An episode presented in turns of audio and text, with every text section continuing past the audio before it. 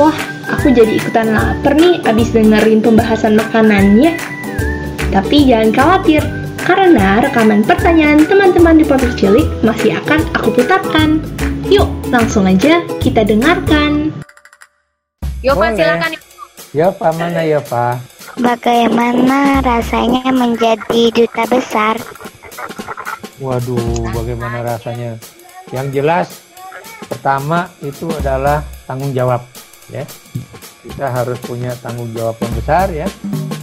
Bukan cuma dalam artian tugas di kantor, tapi juga tanggung jawab untuk uh, perlindungan warga negara Indonesia. Ini, ini kita harus punya tanggung jawab. Kedua, kita juga jadi marketing terus terang ya. Duta besar itu juga marketing manager untuk produk-produk bikinan Indonesia ya untuk dipromosikan di Indonesia. Jadi itu. Dan kemudian sebagai duta besar itu juga mengajak ya kalau bisa ya kalau ada pabrik ya seperti Indofood ya. Saya bilang kenapa nggak invest di sini? Dan ternyata sekarang mau invest di Indonesia ya karena rupanya Indomie udah menjadi bagian dari makanan yang uh, favorit di, di Tunisia ya. Jadi sebetulnya mie instan itu yang masuk ke Tunisia bukan cuma produk Indonesia, ada juga produk Thailand ya. Masuknya barengan juga. Kalau nggak salah awal tahun 2000-an lah gitu kan. Tapi ternyata orang Tunis itu lebih menyukai Indomie ya. Kenapa Indomie? Mungkin karena rasanya itu lebih pas di lidah mereka dan dan udah pasti halal ya dan terus terang Indomie itu menguasai pasar dunia di luar Asia Timur ya. Jadi kalau kamu tahu ya bahwa kalau Jepang itu bisa menghasilkan miliaran produk mie instan ya khususnya yang dari dari cup ya. Tahu kan yang cup tuh? Uh, pop mie ya di Indonesia. Tapi kalau Indonesia itu anda tahu produk mie instannya itu juga miliaran bungkus yang diproduksi bayang di Indonesia maupun di berbagai negara. Jadi jangan kaget ya adik-adik ya, Indomie itu punya pabrik di beberapa negara Afrika ya, seperti di Maroko, Arab Saudi itu ada dua ya, di Eropa Timur juga bahkan ada ya pabrik yeah. Indomie dan nanti di Tunisia juga akan ada pabrik Indomie ya. Dan memang selama ini masih Indomie yang rebus yang laku Indomie yang yang yang goreng yang goreng kurang enggak. laku karena mungkin karena mengandung kecap yang belum belum populer untuk lidah Indonesia ya hmm. tapi saya juga bangga sebagai orang Indonesia karena ternyata Indomie itu menguasai pasar dunia di luar Asia Timur ya. Bahkan Indomie juga masuk ke Korea loh jangan salah loh. Banyak ya. loh produk Indomie Korea tapi dengan nama Korea ya. Kalau anda lihat youtuber-youtuber Korea itu kan juga sering uh, apa memaparkan ya. Coba ini bedakan bedanya Indomie Indonesia dengan Indo apa ini Indomie rasa apa uh, pokoknya mie instan Korea rasa Indomie dan ternyata begitu dilihat produknya memang produknya Indofood memang juga produk gitu Indo. cuma ada pabriknya di Korea Selatan bangga dong coba bangga. bisa bangga. kita bisa ekspor ke ini dan sebagainya dan sebagainya ya dan hmm. memang itulah kebanggaan kita ya bahwa satu-satunya produk Indonesia yang mendunia itu memang Indomie. Ada ini lagi? ya gara-gara ngobrol sama Pak Ikrar jadi pengen makan makanan Tunisia jadi pengen main kata main ke sana kata Fadil pengen ke sana ditraktir sama aku Pak aduh mana Fadil pintar sekali Minumnya pakai Thai tea. Kenapa? Minumnya pakai Thai tea. Oh, minumnya oh, pakai Thai tea. Oke, oke. Kalau di sana produk minuman Tunisia yang paling populer itu boga. Boga, boga itu kalau di Indonesia ya, itu seperti Sprite lah. Seperti. Sprite dan Fanta. Ya, tapi benar oh, asli buatan ya, Tunisia. Ya. Coca-Cola, Fanta juga masuk ke Tunisia, tapi produk lokalnya yang saya suka itu boga. Jadi jadi boga, oke. Okay. Iya, boga itu kayak spread tapi rasa lime, jeruk lemon ya beberapa beberapa rasa juga enak boga. Oke. Okay. Quinsa, silakan Quinsa. Kenapa Bapak mau jadi dubes, dubes di Tunisia? Kenapa nggak jadi peneliti aja? Jadi namanya menjadi duta besar itu satu penghormatan ya. ya. Terus terang ya, tadinya kalau ditanya saya pengen jadi duta besar di mana, saya maunya di Australia karena Australia itu negara di mana saya lima tahun di sana ya. Jadi tahu ya dari ujung-ujung Australia. Walaupun saya belum pernah ke Perth dan juga belum pernah ke Tasmania, tapi kota-kota lain di di Australia itu pernah saya kunjungi ya dan juga bahasanya bahasa Inggris ya. Tapi ternyata saya diminta untuk ke Tunisia ya dan tadinya juga saya pikir waduh Tunisia negara Arab dan kemudian bagaimana bagaimana tapi ternyata setelah saya tinggal di sini dan melaksanakan tugas ini saya bahkan bersyukur ya kepada Allah Subhanahu wa taala dapat tempat di Tunisia karena di sini saya merasa bisa melakukan sesuatu yang lebih banyak ya. Nah, kalau sebagai peneliti kita cuma bisa memberikan masukan atau menganalisis. Tapi sebagai duta besar, kenapa ada kenikmatan? Kita bukan cuma menganalisis, kita cuma eh, bukan memberikan rekomendasi, tapi kita melaksanakan sendiri kebijakan-kebijakan pemerintah Indonesia ataupun kebijakan yang dibuat oleh Kedutaan Besar Republik Indonesia di Tunis gitu. Jadi itu nikmatnya ya. Saya bukan menjadi pengamat tapi juga menjadi pelaksana dari politik luar negeri Indonesia. Sebagai peneliti saya juga nikmat ya, karena tadi saya katakan sebagai peneliti saya pernah mengunjungi berbagai negara di lima benua ya, tapi sebagai duta besar ya kalau saya liburan karena kebetulan negara yang paling dekat itu adalah negara Eropa, ya saya liburannya ke Eropa. Kemudian apa namanya itu umroh juga dari sini karena dari sini ke Arab Saudi itu eh, kalau naik pesawat ya empat eh, setengah jam lah jadi deket Iya. Oke, sekarang Farah mau tanya apa sama Pak Ikrar? Oh iya, silakan Farah. Selamat sore. Assalamualaikum. Waalaikumsalam. Kakakku juga kuliah di UI loh. Oh iya, di fakultas apa?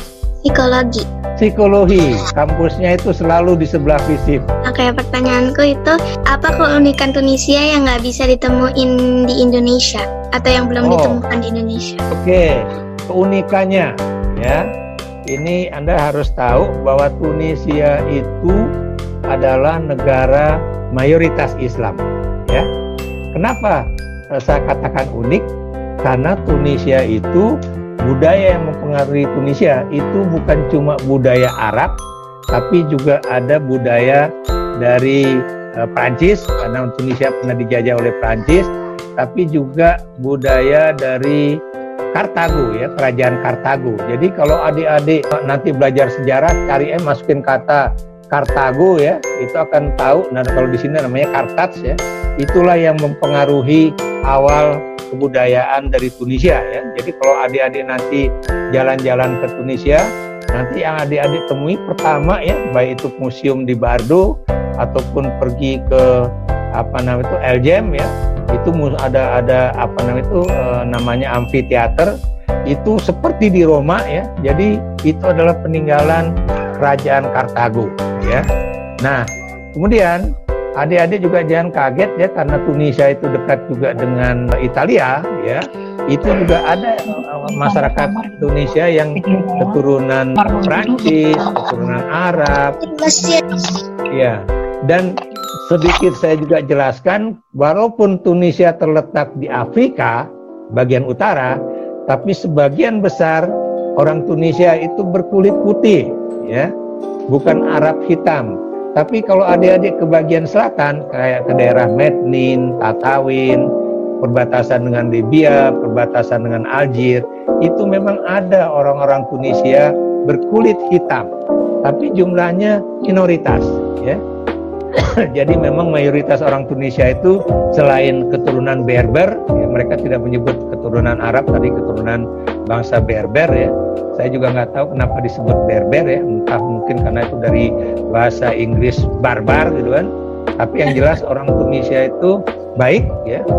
Dan suatu kenyataan, maaf kalau saya berterus terang, orang Tunisia itu Islamnya juga sangat moderat dan sebagian besar penduduknya itu sedikit sekali yang menggunakan jilbab gitu. Mungkin karena karena memang dulu apa namanya itu ada yang disebut Tunisianisasi Islam. Jadi memang Islam Tunisia itu e, mazhabnya bukan mazhab Syafi'i seperti di Indonesia, tapi mazhab e, Maliki. Ya. Ada sebagian besar Maliki, tapi juga sebagian lagi Hambali. Nah, bedanya juga dengan Islam di Indonesia ini sedikit. Jadi kalau di di Tunis itu kalau kita megang anjing tidak najis karena kenapa demikian karena memang itu bukan barang najis menurut masaknya ya. Oke. Okay. Kalau Anda lihat ya ini hasil Tunisia itu sebagian besar itu minyak zaitun. Jadi kalau Anda baca Al-Qur'an pasti ada dua. Jadi buah tin dan buah zaitun ada di Tunisia. Kurma banyak di Tunisia. Ini bukan saya bukan saya promosi ya, tapi kurma terenak di dunia memang berasal dari Tunisia. Nggak usah dikasih gula, manisnya auzubillah misalik. Wah enak itu ya. banget ya, Pak. Jadi pengen ya. Makasih Kak. Makasih Pak Ikar. Iya. Kak silakan Dika. Apa cita-cita dari kecil emang pengen jadi dubes? Ah, ini pertanyaan yang bagus. Oke, Dika, saya mau cerita ya. Jadi saya setelah lulus dari SMA Katolik Swastiastu di Bali itu, saya terus terang ya sempat nganggur. Karena nggak ada duit buat masuk universitas ya. Jadi saya lulus tahun 76, itu tahun 77 nganggur, baru tahun 78 saya masuk UI. Dan saya mengambil ya pilihan pertama saya waktu masuk UI itu adalah hubungan internasional. Kenapa hubungan internasional? Karena tadi pertanyaan Dika, apakah punya cita-cita ingin jadi duta besar? Tentunya pada saat itu bukan ingin jadi duta besar dulu, ingin menjadi diplomat. Makanya saya ngambil hubungan internasional. Tapi begitu kuliah, ternyata saya lebih tertarik untuk menjadi dosen dan juga peneliti, penulis, sebenarnya juga jadi wartawan ya, eh, ketimbang menjadi diplomat ya. Tapi namanya kita nggak tahu garis tangan dari Allah ya ternyata di akhir karir saya sebagai pendidik eh diangkat menjadi duta besar. Jadi impian saya dulu untuk menjadi diplomat sekarang menjadi kenyataan dengan menjadi duta besar karena duta besar itu juga adalah diplomat ya. the highest ranking diplomat jadi impian saya menjadi kenyataan juga ya menjadi diplomat tapi tidak melalui diplomat karir langsung menjadi duta besar. Dan saya berupaya untuk menunjukkan bahwa saya juga duta besar yang cukup baik ya walaupun tidak berasal dari Kementerian Luar Negeri. Dulu sih jadi dosen, sebenarnya saya jadi dosen di anak-anak yang menjadi diplomat ya, baik diplomat SES Dilu, kemudian SES Palu, yaitu tingkatan untuk menjadi diplomat ya, fungsional diplomat saya pernah mengajar di situ. Makanya kalau kemudian saya menjadi duta besar ya saya tidak kaget atau aneh ya karena memang selama ini saya juga mengajar para diplomat. Saya juga mengenal banyak diplomat Indonesia di di Kementerian Luar Negeri ya. Bukan cuma karena saya mengajar di Kemlu, tapi juga saya mengajar di UI banyak sekali. Nah, jadi mahasiswa saya itu ada yang juga sekarang udah menjadi duta besar ya. Juga ada yang menjadi konsul jenderal di Melbourne gitu ya kan.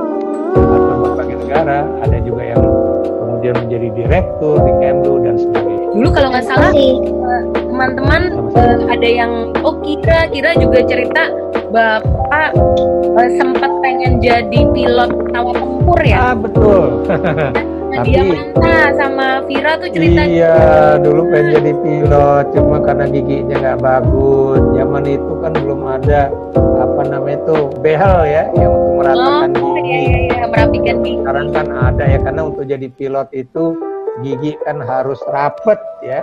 Seperti Mbak Lia ini giginya bagus sekali ya, rapet. Kenapa harus rapet? Karena memang sebagai pilot itu kalau giginya nggak rapet itu akan berpengaruh. Jadi kalau kita sakit gigi akan berpengaruh. Terus sampai detik ini saya juga masih menyukai berbagai jenis pesawat, baik pesawat tempur, kumpulin ya Pak? Pesawat penumpang. Yang nggak suka aja ngeliat. Oke oke oke. Kirain koleksi juga. Ada pertanyaan lain? Vira Pak, silakan Vira. Ya silakan. Olahraga yang baik apa yang baik Oh, olahraga. saya bukan olahragawan ya. Jadi kalau ditanya olahraga apa yang paling saya sukai, itu adalah jalan kaki ya. Kalau adik-adik tanya jalan kaki di mana? Jalan kaki di sekitar Wisma Duta aja. Karena rumah saya ini selemparan batu itu ada danau ya. Namanya Danau Kartas ya. Dan itu kita jalan di pinggir danau aja itu kalau kita kalau cuma seperempat dari danau itu udah sekitar kalau nggak salah 5 km ya. Kalau saya jalan dikit ke arah utara ke dekat uh, kota ya itu bisa pulang pulang balik itu 10 km selain itu juga saya melakukan satu olahraga yang juga yang lagi populer di Jepang ya. Jadi di Jepang itu kalau mau menurunkan kadar kolesterol menurunkan kadar gula itu bukan jalan kaki katanya. Karena jalan kaki itu sedikit sekali yang yang berkurang kolesterolnya. Tapi saya olahraga yang tangannya diginiin gitu ya. Dan kemudian badan dibungkukkan itu eh, setiap kali itu sekitar 10 detik dan olahraga selama 10 eh 20 menit ya. Dan itu sangat enak buat badan. Gitu. jadi jadi olahraga saya cuma itu sederhana. Jadi saya nggak main badminton, nggak main golf, nggak main tenis dan sebagainya gitu. Karena kalau badminton sama tenis buat orang di atas 50 tahun itu udah nggak bagus lagi. Apalagi main futsal gitu kan. Bisa yang apa kalau ya Pak? Iya betul yang santai-santai tapi juga benar-benar enak buat jantung saya dan juga buat badan saya. Oke. Okay. Aina, silakan Aina. Mana Aina? Oh ini. Ada restoran Indonesia di Tunisia? Waduh, sayang sekali nggak ada. Oh, restoran nggak ada, Di Tunisia tidak ada restoran Indonesia. Hmm. Ya, jadi jadi Asia itu cuma tadi saya katakan ada restoran Thailand, India, kemudian Cina dan Jepang. Mana yang paling sering kunjungi pergi ke restoran Jepang ya baik yang untuk makan sushi atau sashimi ataupun makan ramen ya. Jadi jadi Oh, ramen enak, enak. Iya. Ramennya di sini enak banget ya. Ada satu restoran namanya Nippon Bistro itu ramennya istimewa. Enak banget ya. Itulah restoran-restoran Asia. Yang lain restoran uh, Tunisia, restoran Italia dari berbagai negara Timur Tengah atau uh, Prancis dan juga Eropa yang lain. Gitu ya, Aina. Terima kasih. Silakan Faiz. Pada saat Bapak ke, Tun ke Tunisia, menurut Bapak bagaimana kemajuan teknologi di Tunisia? Kemajuan teknologi, ya. ya. Jadi begini, ya. Tunisia itu menggunakan uh, dua bahasa utama, ya, yaitu bahasa Arab dan kemudian bahasa Prancis, ya. Makanya jangan heran kalau kemudian ya pendidikan di Tunisia itu sebagian besar menggunakan bahasa Prancis ya. Dan karena mereka berbahasa Prancis, karena itu teknologi utama yang ada di Tunisia itu biasanya berasal dari Prancis. Teknologi apa yang paling berkembang di Tunisia ya? Saya beri contoh bidang kesehatan ya. Itu yang namanya lembaga Pasteur itu bukan main hebatnya di Tunisia. Ya. Vaksinnya nggak pernah ada yang memalsukan. Ya. Jadi vaksin buat anak-anak Tunisia itu benar-benar jempolan, ya. Jadi jadi saya kebetulan juga masih punya anak kecil di sini dan itu selalu dibawa ke dokter vaksin dan biasanya anak saya kalau udah tahu ke dokter itu dia udah langsung nangis karena dia tahu bakal disuntik. Jadi vaksinnya tidak pakai mulut tapi memang semuanya injection ya. Pakai disuntik. Nah, kemudian itu kedokterannya bukan main bagusnya ya. Jadi kedokteran di Tunisia itu jauh lebih bagus dibandingkan dengan Libya, baik dibandingkan dengan di Aljazair, dibandingkan dengan Maroko. Makanya banyak orang dari Aljazair dan Libya kalau sakit itu datangnya ke Tunisia, ya, eh, khususnya ke klinik-klinik swasta, ya. Dan kalau saya katakan klinik swasta, jangan Anda pikirkan seperti di rumah sakit swasta di Indonesia atau di negara-negara Asia Tenggara yang kadang-kadang harganya uh, cukup tinggi ya. Kalau di Tunisia itu harganya masuk akal dan kedokteran giginya juga juga bagus sekali ya. Dan kemudian uh, kesehatan yang terkait dengan kanker ya. Tanpa menyebut nama juga saya punya teman satu angkatan di UI, dulu dia pernah tinggal di Tunisia. Dia kena kanker dan kemudian dia sempat dalam tanda kutip seperti orang yang sudah meninggal dunia ya tapi kemudian ditangani oleh dokter di Tunisia. Dan alhamdulillah sampai detik ini teman saya itu masih hidup ya. Jadi memang kedokteran di Tunisia itu dan juga kedokteran gigi bukan main Luar bagusnya. ya. Dan kalau kamu nanya juga berapa kalau kemudian biaya kuliahnya ya saya nggak menyebutkan tapi yang jelas biaya kuliah di Tunisia itu jauh lebih rendah dibandingkan kuliah S1 di Indonesia ya. Nah, di Tunisia ini jauh lebih rendah ya. makanya sekarang juga banyak anak-anak Indonesia yang kuliah di Tunisia walaupun bagian besar memang mengambil jurusan agama dan bahasa Arab. Oke. Okay. Dan bisa jawab ya, Faiz ya. Ya, ya Faiz. Ya.